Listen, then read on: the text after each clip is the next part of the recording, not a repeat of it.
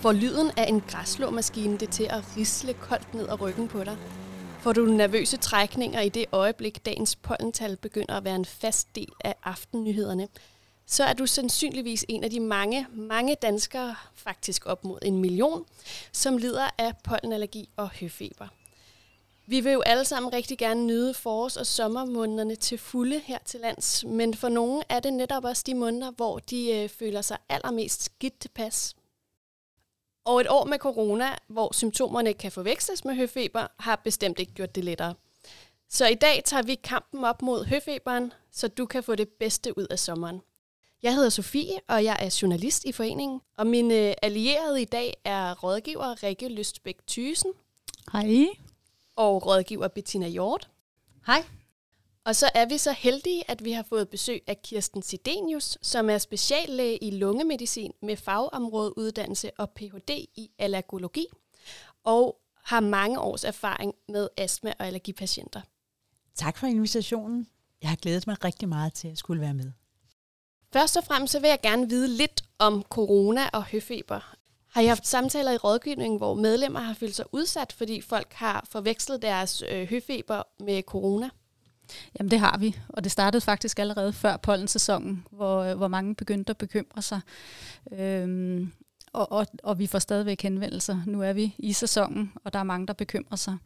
Øh, og det, som folk de henvender sig omkring, det er det her med gode råd til, hvordan de kan optimere deres behandling så de ikke skal gå og være bange for at være smittet med covid. Øh, mange oplever også, at omgivelserne øh, ser lidt skævt til, at de øh, måske går og nyser lidt eller hoster, når de er nede i supermarkedet. Øh, der er jo nogen, der har haft høfeber i mange år og kender deres symptomer, men der er også nogen, der er nye i det. Og øh, fælles for dem alle sammen er egentlig, at de bliver usikre i den her coronatid. Det her med at kende forskel på, hvad der har været. Og hvordan gør man så egentlig det? Hvad er symptomerne for det ene og det andet? Jamen, hvis vi tager høfebersymptomerne, så er de klassiske symptomer, det er jo sådan noget med røde kløende øjne, der løber i vand. Øh, næsen løber. Øh, den kan tabløbe med vand i snue, øh, som enten er helt klart eller hvidt gennemsigtigt. Altså når, det, når man egentlig føler, det sådan fosser ud? Ja, det er der faktisk nogen, der oplever, at det fosser ud. Øhm, nogle oplever også de her nyseture, det vil sige flere nys ad gangen, måske flere gange dagligt, og næsen klør. Nogle oplever også, at den er stoppet til, uden at det egentlig løber af den, men bare at man er helt tæt i næsen. Øh, og så er der nogen, der er rigtig hårdt ramt, som nærmest føler sig influenzaramt øh, og har sådan en varmefølelse i kroppen. Ikke at man kan måle en temperaturstigning, øh, hvis man måler sin temperatur, men, men varmefølelse i kroppen øh, og ondt i kroppen, influenza-symptomer, øh, koncentrationsbesvær, træthed, mathed. Så det kan føles som en influenza med feber, uden at det faktisk er det? Ja, det kan det faktisk godt. Og det er så symptomerne på høfeber. Hvad er så, når det kommer til symptomerne på covid-19? Jamen, de kan godt minde om høfeber, og vi kan godt forstå, at, at der kan være den der, altså man kan være i tvivl, om man, om man kan se forskel. Men de mest almindelige symptomer på coviden, det er, det er hoste, det er ondt i halsen, og så er det også, at man har feber. Så noget af det, som vi har hørt rigtig meget om, det er jo det her med, at man mister sin lugt og sin smagsans. Og det gør man ikke øh, ved en høfeber. Og så er det åndenød, altså besværet vejrtrækning. Er det normalt også at have åndenød og besværet vejrtrækning, når man har høfeber? Det kan man godt jo. Øh, fordi man, man, man, altså det er måske ikke høfeberen, der, der giver de symptomer, men, men høfeberen og pollenallergien kan også give symptomer for lungerne med astmasymptomer. Og der kan også være noget åndenød involveret i det. Hvordan kan man så kende forskel? Er der nogle gode tommelfingerregler, man kan gå efter? Jamen, øh, der er nogle tommelfingerregler. Dem prøver vi også at snakke med dem om, som ringer til vores rådgivning, og prøver sådan at sige, jamen er der noget, man sådan kan, kan bruge som sådan lidt retningsgivende? Øh, altså, nu har vi lige været inde på det her med feberen. Man får ikke feber af høfeber. Man kan godt føle sig varm, men temperaturen stiger ikke. Øh, det gør den, eller det kan den gøre ved covid. Ikke? Øh, hvis, der, hvis man har øh, snotnæse, altså det, der kommer fra næsen, hvis det er klart øh, og gennemsigtigt, det er klassisk for høfeberen, men hvis der kommer gulgrøn snot, så er det typisk for en, for en øh, infektion. Og i virkeligheden er det ikke så klassisk for covid, men mere almindelig forkølelsesvirus. Så er der sådan noget med nyseture. Det er almindeligt ved høfeber, men det er det ikke ved covid. Øh, antihistamin for eksempel, som er høfebermedicin, det virker godt ved høfeber, men det virker ikke ved covid. Øh, så den kan man også bruge. Øhm, og så kan man sige sådan helt øh, logisk, så øh, covid-19 følger ikke en pollensæson. Eller hvis man kommer på besøg hos naboen, der har kat, og man er allergisk over for kat. Det gør høfeber jo.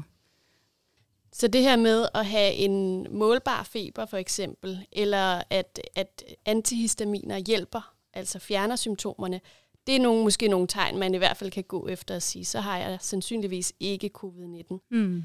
Men kan man nogensinde vide sig helt sikker, Kirsten?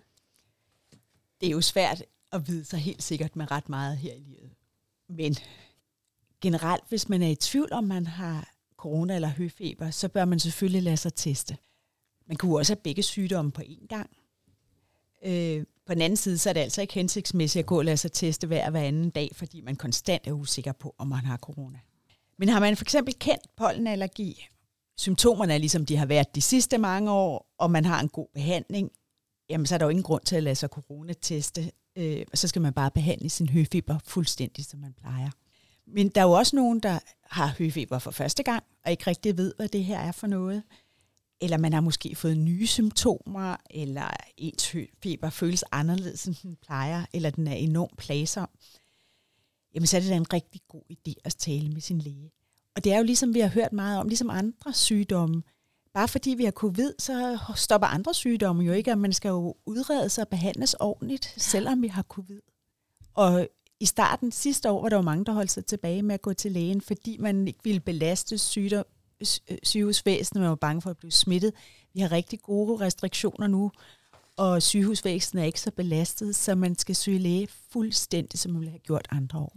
Men når man så snakker med sin læge, så kan lægen stille en diagnose, og lægen kan finde ud af, om hvad man eventuelt er allergisk overfor, og så sammen med patienten, så kan der ligge sådan en god behandling for høfeberen. Og så for øvrigt, hvis man så har en velbehandlet høfeber, jamen så går man jo ikke snøfter og nyser, og så undgår man nogle af de problemer, som Rikke lige har snakket om, hvor folk går og ser skævt til en. Og så falder coronamistanken hverken fra en selv eller fra ens omgivelser, og det kan være en stor lise. Men corona eller ej, så er det jo vigtigt at få behandlet sin høfeber ordentligt, for det giver en langt bedre livskvalitet. Og så for dem, der har astma, som Bettina talte om, så er det også vigtigt at behandle høfeberen af den grund, at det er ofte nemmere at behandle astma, end hvis høfeberen er velbehandlet. Okay, så de to kan godt følge lidt med. Ja, det kan ja. de. Rent mekanisk, så er næsen jo et enormt vigtigt organ, og hvis, specielt hvis den er stoppet, så mundånder vi, og så får vi ikke filtreret, ikke opvarmet luft ned i lungerne, og det kan astma-lunger ikke særlig godt lide. Hmm. Lad os komme lidt mere ind på det øh, på et senere tidspunkt, det her med høfeber og astma, fordi at jeg har også hørt noget om, at de godt kan hænge sammen. Der er en lytter, som har skrevet til os og spørger, kan jeg risikere, at næsepodningen giver forkert svar, når jeg tager fast næsespray med binyrbarkhormon? Kan sådan en øh, omgang næsespray med binyrbarkhormon give et forkert øh, testsvar? Nej. En næsespray med binyrbarkhormon, det påvirker ikke svaret på covid-testen.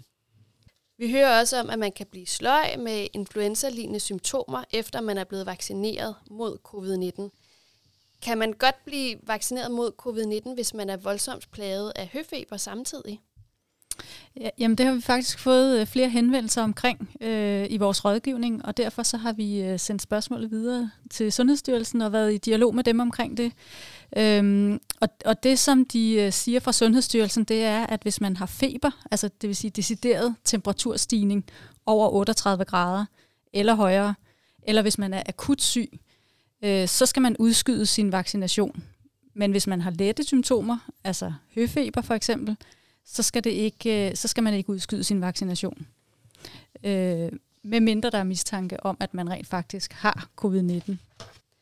Må man så egentlig godt tage sin høfebermedicin forud for vaccinen? Kan en øh, næsespray med binyrbarkhormon eller antihistaminer påvirke, når man får den her vaccine, så man ikke får den fulde effekt?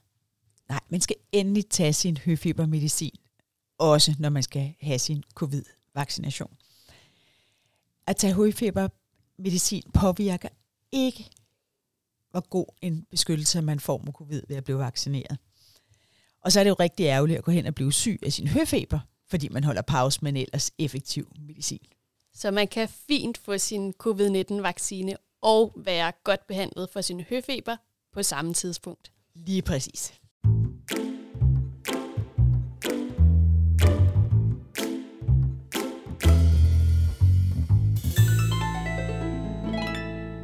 Nu zoomer vi lidt nærmere ind på høfeber.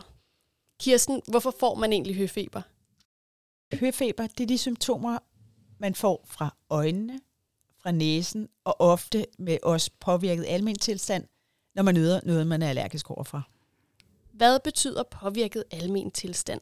Det betyder, at man føler sig syg, man føler sig klattet, man føler sig bare ikke helt på toppen. Nogen kan simpelthen have den der influenza-lignende tilstand, og det er jo derfor, det hedder høfeber. Fordi man føler sig febril, man føler sig rigtig skidt. Men altså, hvad er de ting, som man kan være allergiske for, typisk når vi forbinder med høfeber, så tænker vi pollen. Og det siger ordet næsten, høfeber, altså når græsset er der. Øh, men birken, birk og græs er de hyppigste årsager til, til høfeber i Danmark. Men bynken, som der ligger lidt senere, den kan også være ret udtalt.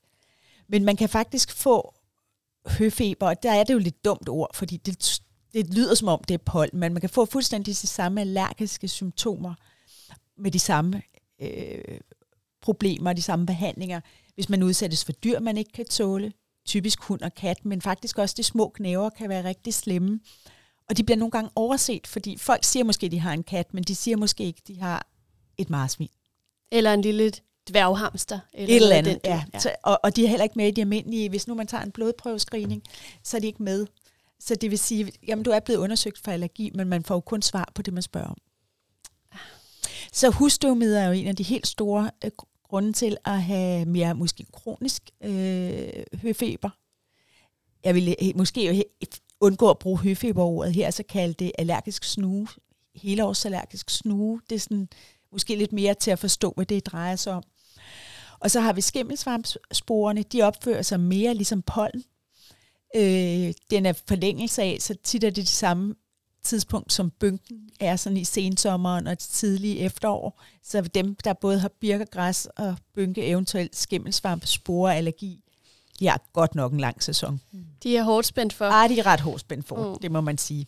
Og husstøvmider, bare lige for at have det med på det rene, det er altså noget, vi har i vores hjem.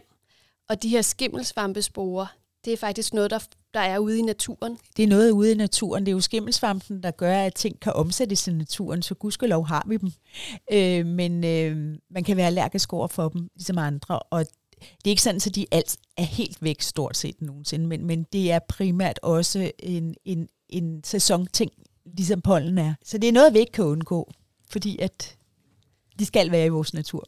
Men, men for ligesom at prøve at fortælle allergi, hvad er det egentlig for noget?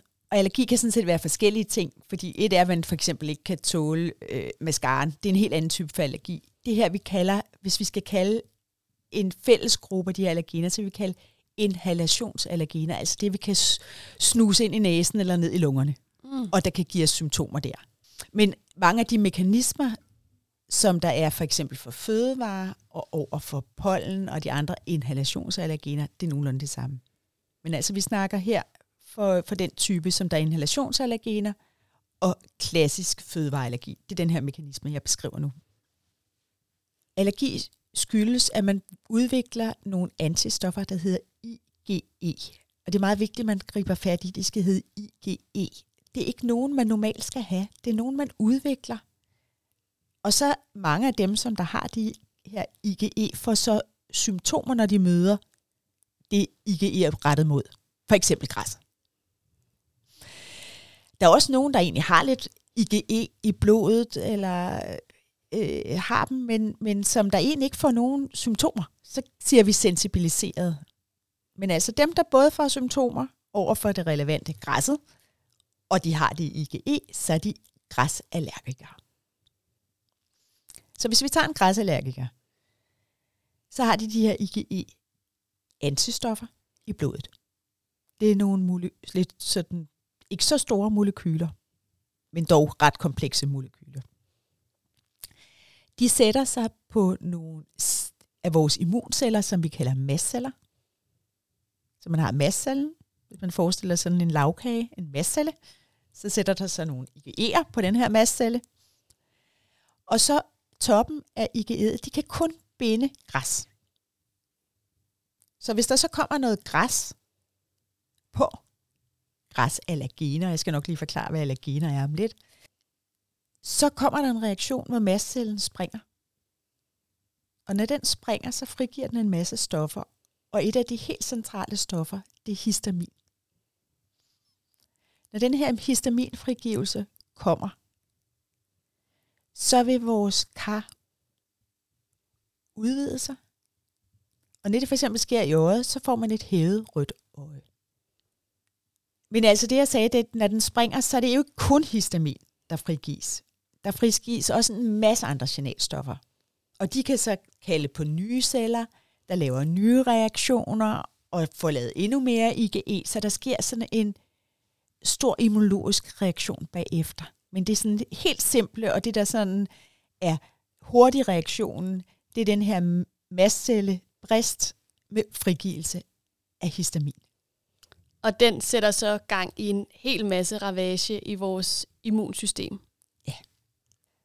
Men man kan altså også have en ikke-allergisk snue, hvor man har bare følsom luftveje, og man kan få fuldstændig de samme symptomer, som når man har høfeber. Men der er ikke noget specielt, der gør det.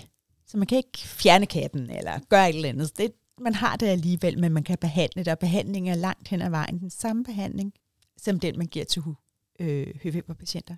Og det, der er fælles for høfeberpatienter, altså dem, der har allergi, og derfor har gener for øjne og næse, og dem, som der bare har en stoppet eller løbende næse og irriteret slimhinder der, det er, der er andre ting, der ikke er allergener, der kan genere. Det kan være en nyslået avis, det kan være brændeovnen, det kan være parfume, hvor det bare er sådan nogle irriterende ting, som der gør det endnu værre. Så er det sådan, at øh, risikoen for at blive allergisk, den er betydeligt øget, hvis ens forældre har allergi eller andre tætte familiemedlemmer.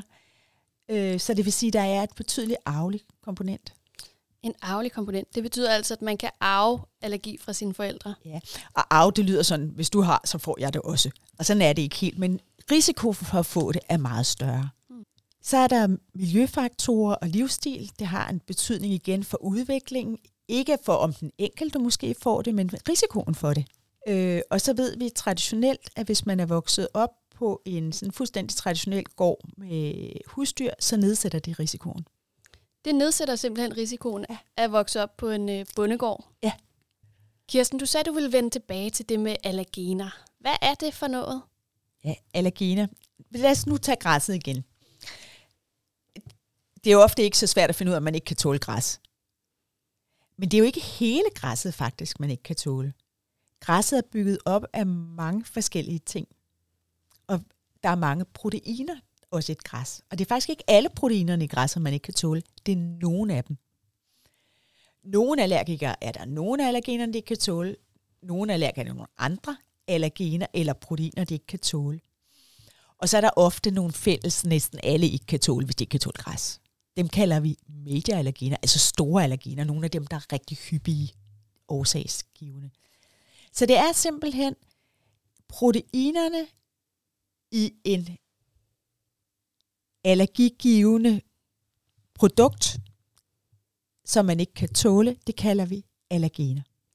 Og det kan udover være proteiner i græs, også være proteiner i pollen, eller i noget, der kommer fra en kat, eller noget, der... Lige præcis. Det er sådan en, en, en almen. Øh, og hvad der faktisk er rigtig interessant nu, før der kunne vi bare sige, at man kunne ikke tåle græs. Nu kan vi faktisk med avanceret øh, diagnostik begynde at sige, hvad er det for en af de her proteiner, man ikke kan tåle. Og det sådan forskningsmæssigt er der rigtig meget, man arbejder med også her, hvis man skal ind i immunterapi og sådan noget. Så det er et rigtig spændende felt. Det er super spændende, og øh, forhåbentlig noget, der kan, der kan målrette behandlingen endnu mere, end hvad vi har øh, indtil nu. Det kan vi håbe.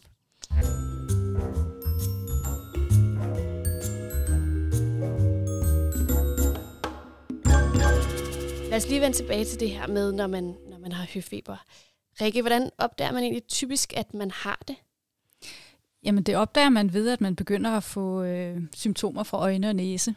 Og for nogen, så kommer det snigende. Øhm, for eksempel hver gang man er på besøg hos nogen, der har kat, Så går man måske og nyser lidt, og det klør i næsen, og så går det væk igen, når man kommer hjem. Og så næste gang, man kommer på besøg, så gentager det sig. Og måske begynder det at blive værre og værre, hver gang man er på besøg. Og så bliver man opmærksom på, at der er vist noget med, at jeg måske ikke kan tåle kat.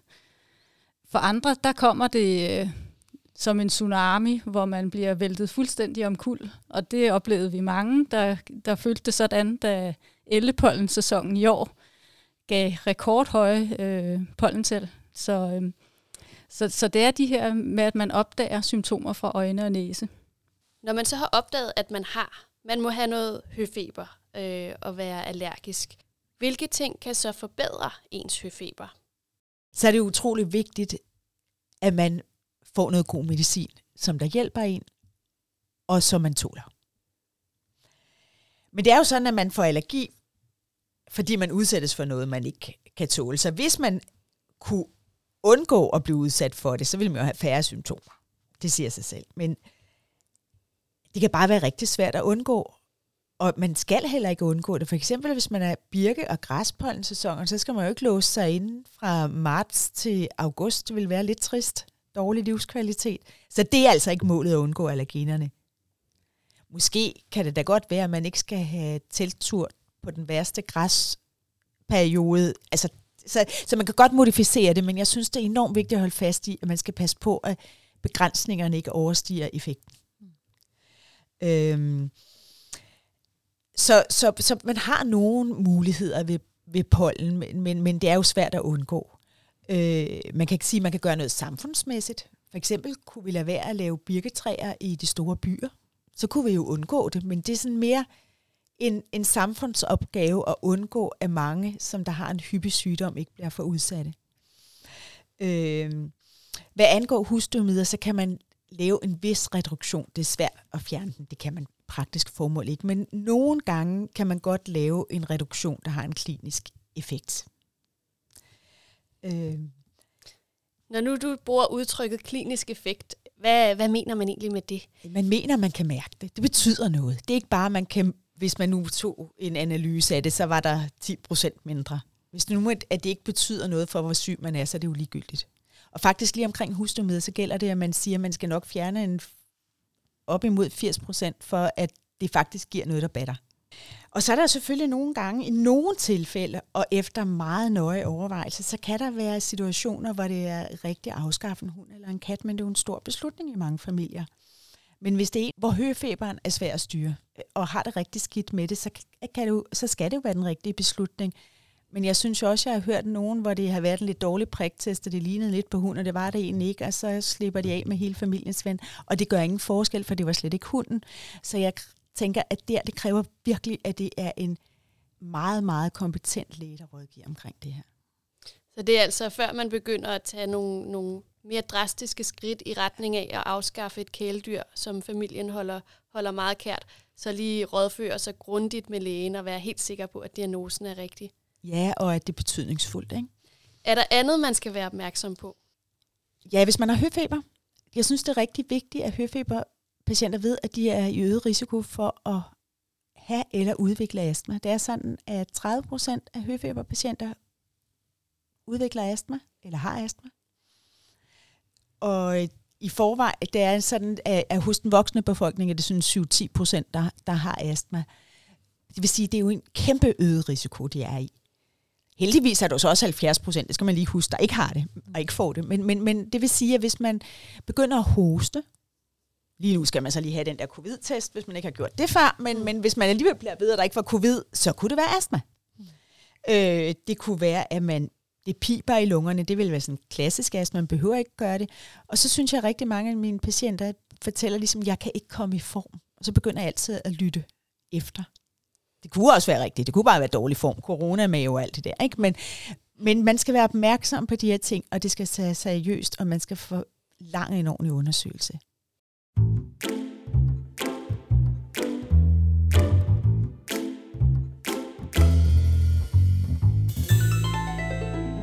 Høfeber trigges altså typisk af en allergi over for enten pollen, pelsdyr eller husstøvmider. Rikke, hvad skal man så gøre, når man opdager, at man måske har høfeber? Jamen, hvis man begynder at få hy- øh, symptomer på høfeber, så, øh, så bør man tale med sin læge. Og, og så kan det være fornuftigt at få lavet en allergitest, så man kan finde ud af, om der er noget, man er allergisk overfor, eller om det handler om en sådan en ikke-allergisk snue. Det er alt andet nemmere at tage sine forholdsregler, hvis man ved, at der er noget, man ikke kan tåle, noget man er blevet allergisk overfor. Så opfordringen må være, at man øh, går til lægen og, øh, og får det udredt og får en, en øh, behandlingsplan. Kirsten, hvordan foregår egentlig sådan en udredning og en øh, allergitest? Man kan sige, at der er to måder, man kan lave allergitest. Man kan tage en blodprøve, eller man kan få det, det vi kalder en priktest. Som jeg fortalte om før, så det, når man bliver allergisk, så udvikler man nogle IgE-antistoffer mod noget helt specielt. For eksempel mod græs. Og så er det simpelthen, man undersøger i blodet, om man har sådan nogle specielle IgE-antistoffer mod nogle specielle ting. Så man tager en almindelig blodprøve og får analyseret. Så en blodprøve er almindelig, det er en relativt kompliceret analyse. Men den er nemt tilgængelig, så det kan alle. Så den der undskyldning med, at vi kan ikke lave priktest, så tag en blodprøve. Er det hos ens almindelige praktiserende læge, man Alle kan det? læger kan tage den. Og hvis de ikke selv tager den, så sender de ind på laboratoriet og sætter bare et kryds i laboratorieskemaet, så det er ikke kompliceret. Det, der måske kan være kompliceret, det er at tolke resultatet. Den anden mulighed, det er, at man laver en priktest, eller korrekt hudpriktest for allergi. Og det man gør, det er, at man sætter nogle små dråber, og hver dråbe indeholder for eksempel noget fra græsset, eller fra katten, eller fra husdomiderne. Og så prikker man med en lille bitte nål ned igennem dråben, ned i det øverste lag af huden. Og så det, jeg fortalte om før, så ligger mastcellerne dernede. Og hvis man har IgE inde i helt krop, så sætter de sig på de her mastceller. Og det er et allergen, vi har prikket ned i, sætter sig så, og så brister mastcellen, histaminet kommer ud, og så kan man se sådan en lille hævelse, som der godt nok klør en hel del. Så denne her hudpriktest, den afslører altså, hvilke ting man måske reagerer på. Ja, man laver simpelthen en akut allergisk reaktion lige der. Kan det være farligt? Nej, ikke med de, ikke med de ekstrakter, vi har. Nej, de er sikre. Det lyder lidt som om, det er noget, der måske gør lidt ondt. Gør det det? Altså, jeg har ikke opfundet prikfri nåle. Det, det kan man ikke. Det giver et lille bitte prik, det gør ikke ondt. Men det kan klø. hvis dem, som der er rigtig allergiske og virkelig reagerer, de kan klø helt vildt godt. Så der kan det være en god gerning at give en antihistamin bagefter. Okay, så jeg har altså været til lægen, og jeg har fået den her hudpriktest, og jeg har fundet ud af, at jeg er allergisk over for pollen, og jeg har høfeber. Skal jeg så bare acceptere, at nu kommer jeg til at leve med symptomer flere måneder om året? Det vil jeg synes var en ualmindelig dårlig idé. Når man har symptomer på høfeber, så må man jo blive undersøgt, og man får forlagt en behandlingsplan. Og der er rigtig effektive behandlinger. Hvis man har primært øjen eller næsesymptomer, så er det tit rigtig godt at give lokal behandling der. Hvis man kun har lidt let snue lidt ind imellem, så kan man måske klare en antihistamin. Øh, og der findes mange forskellige slags. Øh, så hvis den ene ikke virker, så kan man måske prøve en af de andre, og nogle er også lidt mere komplekse. Nogle kræver, at man tager det mere fast, for man har rigtig god behandling, og andre kan virke sådan her og nu. Generelt så er næsespray nok noget af det allermest centrale, efter min mening. Ikke hvis der er nogle enkelte, der har en lille bitte snue, nogle enkelte dage, så en antihistamin glimrende. Men for dem, der har sådan moderat til svær øh, høfeber, der er næsesprayen fuldstændig essentielt, for de har faktisk også en afsmittende effekt på øjnene. Men der er selvfølgelig også nogen, hvor øjnene dominerer, og hvor det virkelig kan være plagsomt. Ofte er det en kombination, der skal gives, for det giver en god behandling. Altså en kombination af den lokale behandling i øjne og næse, og så den her, de her antihistamin-tabletter. Ja. Okay. Og, og, og nogen har mere glæde af nogen end andre, og man må tit prøve sig lidt frem. Når man skal bruge næsespray og antihistaminer, hvornår skal man gå i gang med det, i forhold til, hvornår pollensæsonen starter? Jeg synes igen, det må være lidt på et individuelt basis. Hvis man kun har lidt i ny og næ, så er det måske lidt flot at komme med standardreglen et par uger før. Men hvis man har en rigtig svær sæson, hvor man ved, at det er altid svært at slå ned, så skal man gå i gang i god tid før. Og så hvis man øh, har gjort de her ting, eller man har brug for ekstremt meget medicin, og alligevel har en høfeber, der påvirker en, så har vi heldigvis for nogle af allergenerne, altså nogle af de ting, vi ikke kan tåle, mulighed for at lave det, der hedder allergen immunterapi, også kaldet allergivaccination eller hyposensibilisering. Det er et længere forløb, lidt kompliceret, også relativt dyrt, øh, men det er ret effektivt. Og det er noget, som der har det helt specielle, at det virker også, når man holder op med at tage det. Alt andet medicin virker jo kun, når man tager det. Men det her har en langtidseffekt, så det er noget, man skal spørge ind til, hvis man ikke kan blive ordentligt behandlet på en acceptabel øh, behandling for en, som der ikke kan bivirkninger. Så har I det her øh, hemmelige våben i arsenalet, man ja. kan gribe og det er til. faktisk en gammel behandling. Den er over 100 år gammel. Den blev opfundet i London og startede med græs, så det er, det er nogle meget, meget bedre allergener, allergener ekstrakter, vi har nu, og vi har faktisk også til nogle af dem fået som tabletter. Men selve princippet er over 100 år gammelt.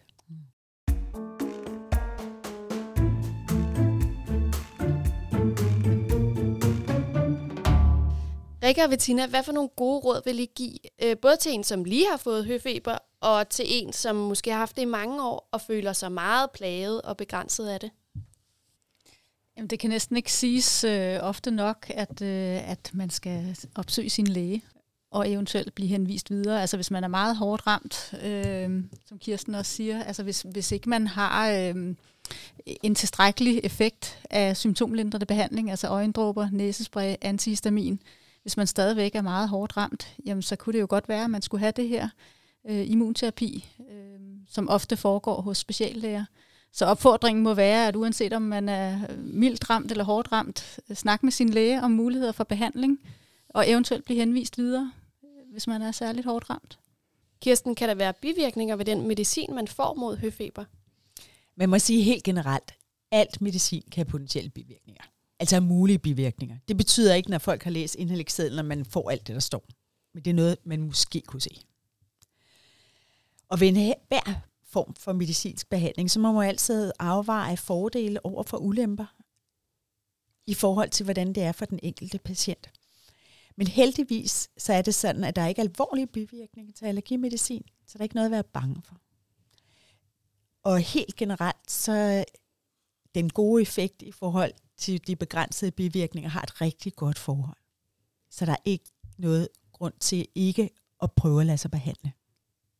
Så jeg synes, at man skal behandles, så man har det rigtig godt, så man får en høj livskvalitet, og man ikke har begrænsninger i sit liv. Det må være målet. Så er der selvfølgelig nogen, der er så hårdt plaget, at det kan være svært at nå målet. Men man kan da i hvert fald gøre sig umage at nå dertil. Mm. Men det er jo godt at kende til, hvad bivirkninger er. Nogle gange kan man komme af det. For eksempel er der nogen, som der får næseblod af at tage næsespray. Og nogle gange kan man komme ud af det bare ved at vende den rigtigt, ved at tage den lidt væk fra næseskillevæggen. Det vil sige, ja, det var en bivirkning, men man kunne takle den. Nogle øjendråber sviger, andre gør ikke. Man kunne måske skifte øjendråber. Antihistaminer, det er meget svært at sige. De, vi, I gamle dage, der, de første antihistaminer, vi havde, dem kalder vi nu sløvende antihistaminer. Det er dem, vi nu bruger for faktisk til sovepiller. Nogle gange. Vi dem bruger, bliver man simpelthen træt ja, dem af. bliver man pænt træt af. De virker mod allergi, men øhm, og man sover sig igennem pollensæsonen. Det er ikke en god måde. Men det kan være gode til sovepiller. Så nu har vi lavet nogle nye, eller gennem nogle år, øh, som vi kalder ikke sløvende. Og for nogen er det, og for mange er det helt rigtigt, de sløver ikke. Men der er alligevel nogle af dem, der sløver lidt. Men mm. der kan være forskel, så jeg synes, at man skal prøve så lidt frem, hvad for nogen, der virker godt på en, uden at man bliver træt af dem. Og det plejer at lykkes. Så der handler det altså om at prøve sig lidt frem med nogle forskellige typer af antihistaminer og finde ud af, om man bliver træt af dem, eller om man fungerer helt fint med dem. Ja. Så er det jo sådan, at der er nogle mennesker, som er bekymrede for at tage medicin på daglig basis. Er der nogen grund til det? Nej, altså der er jo egentlig ikke grund til bekymring, for som Kirsten også siger, altså der er ikke alvorlige bivirkninger ved, øh, ved høfebermedicin. Der er nogen, der har svært ved at vende sig til tanken om, at man skal bruge daglig medicin. Øhm, der er også nogen, der har svært ved at huske at tage den. Øh, men, men, men der er nogen, der er bekymrede om det her med at skal, skal til at være medicineret dagligt. Det er ikke sådan, at man skal være bekymret for at blive afhængig af medicinen. Det er ikke sådan, at hvis man bruger øjendråber hver dag, at så bliver, bliver man pludselig afhængig af dem og kan ikke øh, undvære dem, eller pludselig virker de ikke mere. Øh, det samme med næsespray og antihistaminer. Så den del skal man ikke være bange for. Øhm, der er også nogen, der bliver bekymrede, fordi de mærker bivirkningerne. Øhm, måske bliver de trætte af antihistaminerne og synes, at altså, så er det ikke værd at tage. Men så er det jo netop det der med at være opmærksom på, som Kirsten siger, at øh, så skal man prøve noget andet. Og prøve at se, om man kan finde et præparat, der man trives godt med. Ja, for det lyder jo også, som om man lige så vel kan blive træt af, at man har høfeber, hvis man ikke behandler det. Ja, den her øh, påvirkede almen tilstand, at man har det næsten som om man er syg altså af influenza, det er jo også enormt trættende. Øhm, så er der nogen, der bekymrer sig om, om man bør skifte en gang imellem. Øh, hvis man har fundet noget, der virker rigtig godt, bør jeg så skifte lidt en gang imellem, bare for at, at veksle lidt. Men hvis man har fundet noget, der virker godt, så fortsæt med det. Så er det okay at bruge i det lange løb. Ja. Mm. Jeg får også lyst til at supplere med, at hvis man ikke har fundet det, der virker godt, så skal man, som Kirsten siger, man skal jo ikke stille sig tilfreds, så skal man jo gå ned og til sin læge igen og gøre opmærksom på, at det ikke fungerer godt nok, det man har, og så altså, få snakket om, jamen, hvad er det så, jeg skal prøve? Fordi der er meget at vælge imellem. Altså, og og det, det er netop valget, der passer til den enkelte kombination af præparater, der kan gøre, at man får den gode behandling. Og så igen, altså hvis, hvis det er en svær høfeber, så skal der måske noget helt specielt til, men, men for en rigtig stor del kan man behandle sig. Det kan godt være, at man kan mærke det lidt, men, men var det ikke påvirker ens livskvalitet væsentligt? Og så er det jo sådan, der, jeg, jeg tror, der er mange, der ved, at man kan få allergimedicin i håndkøb. Men der findes jo også mange præparater, som man får, som er receptpligtige. Er det ikke rigtigt forstået? Jo, bestemt. Og nogle af dem, der er rigtig effektive, er specielt af næsespray, hvor det ligesom er lidt mere næsespray, den er receptpligtig. Og hvad der er, jo, en ting, jeg synes, der er rigtig vigtigt at sige her, når vi snakker næsespray, vi taler ikke om håndkøbsforkølelsesspray. Vigtig pointe. Slut. Mm. Det gør tingene værre. Lige her nu hjælper det, og så får man ellers en stoppet næse, hvis man bruger det efter en uge. Jeg ser en del, der ikke fejler andet om vinteren, end at de har brugt for meget ultravin om sommeren. Hvad er det så, vi taler om? Hvad skal man så bruge i stedet for den der?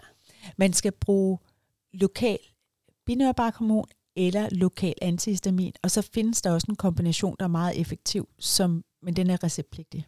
Hvad kan man selv gøre for at forebygge symptomer, udover at passe sin behandling? Er der nogle gode råd, som I to rådgivere vil dele med lytterne? Jamen det er der da. Der er nogle ting, man selv kan gøre, og hvis vi lige bliver ved den ved medicinen bare et øjeblik, så husk at have den med. Hvis du tager sted nogle steder hen på tur eller på overnatning, husk at tage medicinen med. Det er faktisk et ret godt råd. Øh, det er rigtig ærgerligt at være på tur, og så mangler man sine øjendråber. Og så sidder man og snøfter hele telturen ja, igennem. Ja, lige præcis. Øhm, og så snakkede vi om før, at øh, man behøver måske heller ikke lige tage på telttur, lige præcis når græspollen-sæsonen er på sit højeste, og man har græspollenallergi. Så man kan jo godt tilrettelægge sine aktiviteter efter pollensæsonen, og hvad det er, man ikke kan tåle osv. Ikke? Ja, altså man skal jo helst gerne være så velbehandlet, så man også kan øh, dyrke idræt udendørs i pollensæsonen. Men, men er der dage, hvor, øh, hvor pollentallene er skyhøje, og ens symptomlindrende behandling måske ikke helt rækker, jamen så kan det da godt være, at det er den dag, man skal tage en indendørs spinning team i stedet for at skal ud og løbe. Øhm, det kan man jo prøve at planlægge lidt. Når man er udenfor i pollensæsonen, kan man måske også bruge nogle solbriller eller nogle sportsbriller, som øh, beskytter øjnene lidt mod alt det, der kommer flyvende. Det er sådan et helt lavpraktisk råd. Der er nogen, der bruger pollenmasker, når de er ude at løbe i pollensæsonen. Øh, det er der nogen, der har glæde af. Man kan også tilrettelægge sine aktiviteter lidt i forhold til, hvad det er, man ikke kan tåle. Hvis man for eksempel har allergi over for øh, skimmelsvampesporer, så er det måske ikke i den fugtige øh, hvad hedder det, skovbund, man skal løbe sin tur. Så kan det være, det er ude i lidt mere åben luft øh, langs vandet for eksempel, øh, og gerne med noget pålandsvind, så, øh, så, er der, så er luften lidt mere fortyndet derude. Øh, også et, et, et lavpraktisk råd, det er sådan noget med, når man skal tørre sit vasketøj, at man måske ikke øh, hænger det udenfor, øh, når det vivler rundt med pollen. Og så når man tager sit øh, rene tøj ind igen, så bringer man pollen med udefra og ind. Hvis man har en græspollenallergi, så skal man måske lade andre om at slå græsplænen. Der er nogen, der reagerer på det her saft, der også bliver frigivet, når man slår græsset. Det er da i hvert fald et dejligt råd. Ja, så hvis man man, ikke- også for det. Hvis man ikke gider slå græs, så kan man da i hvert fald bruge den. Det var sådan lidt omkring det udendørs. Øhm, indenfor, så vil man jo også gerne have lidt luft ind og få luftet godt ud. Øh, og det er jo også et godt råd i forhold til et godt emneklima. Men, men man kan også tilrettelægge sin udluftning lidt, sådan, så man lufter ud på tider, hvor der ikke er de højeste øh, pollenmængder i luften. Så øh, tidlig morgen og sen aften kan måske være en fordel. Og så kan man gøre jævnligt rent indenfor, så man får fjernet det pollen, der... Altså det, det vil jo komme ind i boligen og, og flyve lidt rundt, så hvis man gør jævnligt rent, så kan man få fjernet nogle af de pollenmængder, som er indenfor. Øhm, nogle de har ventilationsanlæg i, i sin bolig, og der kan man øh, få monteret et pollenfilter på nogle modeller. Så det er også sådan noget, man kan tænke på. Det kræver selvfølgelig noget vedligeholdelse øh, i forhold til, hvad det enkelte anlæg kræver, så det skal man også være opmærksom på. Et ikke vedligeholdt ventilationsanlæg giver ikke så meget mening. Øh, hvis man har været ude hele dagen i, i pollen-sæsonen, øh, og man har pollen i hår og hud osv., så, videre, så kan det være en fordel at tage et brusebad, inden man går i seng, så man får vasket pollen af, inden man, øh, man hopper under dynen, så man ikke tager alle de her pollen med i seng. Ja, det var sådan lidt lavpraktiske råd som i forhold til pollen. Og du, øh, du Ja. har lidt gode råd omkring husstøvmiderne, Bettina. Ja, altså man kan sige, at husdyrmiderne, det er jo også nogle små dyr, og de bor hos os og kan godt lide at være i vores sengemiljø. Og det er fordi, de trives ved den fugtighed, der er i vores sengemiljø, og så, så lever de også lidt af de hudskæld, som vi nu sådan drysser af, når vi ligger der mange timer hver nat. Øhm, så derfor, hvis man har en husdyrmiddelallergi, så, så er det omkring sengemiljøet, man kan gøre en indsats for at minimere antallet. Øh, og det handler om, at de øh, ikke kan klare en temperatur på over 55 grader. Så vi plejer at sige, at du skal vaske din dyne, din pude og din rullemadras på 60 grader. Og det skal du først gøre hver tredje måned. Så får du ligesom brudt den livscyklus, som husdyrmidden har. Simpelthen fire gange om året, så skal det lige en tur i vaskemaskinen på 60 Ja. grader. Ja, og børnefamilierne, de kan jo sådan meget nærlæggende planlægge det, når der er skoleferier, eller når de har fået børnepenge. Det er sådan en god måde at huske det på. Øhm, vi andre, vi må, vi må lave en lille note i kalenderen. Men, øh, men det er ikke kun lindet, der skal vaskes. Det er altså selve dynen og puden, der skal, der skal ind og vaskes. Så, så er det en rigtig god idé at tørre det tørretumbleren efterfølgende, så det kan blive ordentligt tørt, så vi ikke får en risiko for, at der kan være skimmelvækst i det efterfølgende. Og så øh, trives de ikke med en lav luftfugtighed, øhm, og det har vi i Danmark. Vi har en høj luftfugtighed, så hvis vi skal gøre noget for at komme af med dem og minimere deres livsbetingelser, så skal vi lufte ud, især om vinteren. Altså simpelthen lufte ud med gennemtræk 5-10 minutter, to-tre gange om dagen. Øh, gerne om morgenen, når man står op, hvor der er mest fugt i rummet, og så inden man går i seng om aftenen. Det passer jo igen meget godt, hvis man også har pollenallergi, at man skulle lufte ud tidligt morgen og sen aften. Så er man inde i, i vanerne allerede. Ja, det er det. Og så kan man lade være med at ræse sin seng. Nå. Det er der nok nogen, der bliver glade for at høre. Altså lad være med at slå dynen til side, sådan så fugten kan komme væk fra, fra madrassen og fra dynen. Det er bare øh, dejligt, at vi er kommet igennem så mange gode råd til de mange danskere, som døjer med høfeber her i dag. Hovedpointerne, det må være, gå til lægen og find ud af, hvad du ikke kan tåle. Og find den rigtige behandling til dig sammen med din læge, og at det kan faktisk godt tage nogle forsøg med forskellig medicin. Og så skal man sørge for så at være velbehandlet, så man ikke skal gå og være i tvivl om, om man egentlig er smittet med coronavirus tage de forholdsregler i hverdagen, som er nødvendige for, at du har det godt. Og der kan du i øvrigt også finde masser af gode råd på øh, www.astma-allergi.dk. Og du kan også bruge vores app, Dagens Pollental, hvor du kan følge med i pollentallene. I næste afsnit kommer vi til at tale om mental sundhed. Noget, som jeg tror, vi alle sammen måske har haft særligt ekstra fokus på i det sidste års tid med skiftende retningslinjer, bekymringer, isolation. Og mennesker med kroniske sygdomme og deres pårørende har for mange tilfælde haft et helt ekstra sæt bekymringer at bære på. Det taler vi om at få gode råd til at takle sammen med Lisbeth Frølik, som er psykolog og tilknyttet Astma Allergi Danmarks rådgivning. Og i mellemtiden så er du som altid velkommen til at ringe til vores rådgivning på telefon 43 43 42 99. Mandag til fredag sidder de klar fra 9 til 12, og onsdag også 16 til 18. Og her kan du i øvrigt også tale med vores rådgiver om muligheden for at komme til at tale med Lisbeth, hvis du føler dig særligt bekymret over coronasituationen, og du har brug for at tale om det. Mange tak, fordi I lyttede med, og vi høres ved.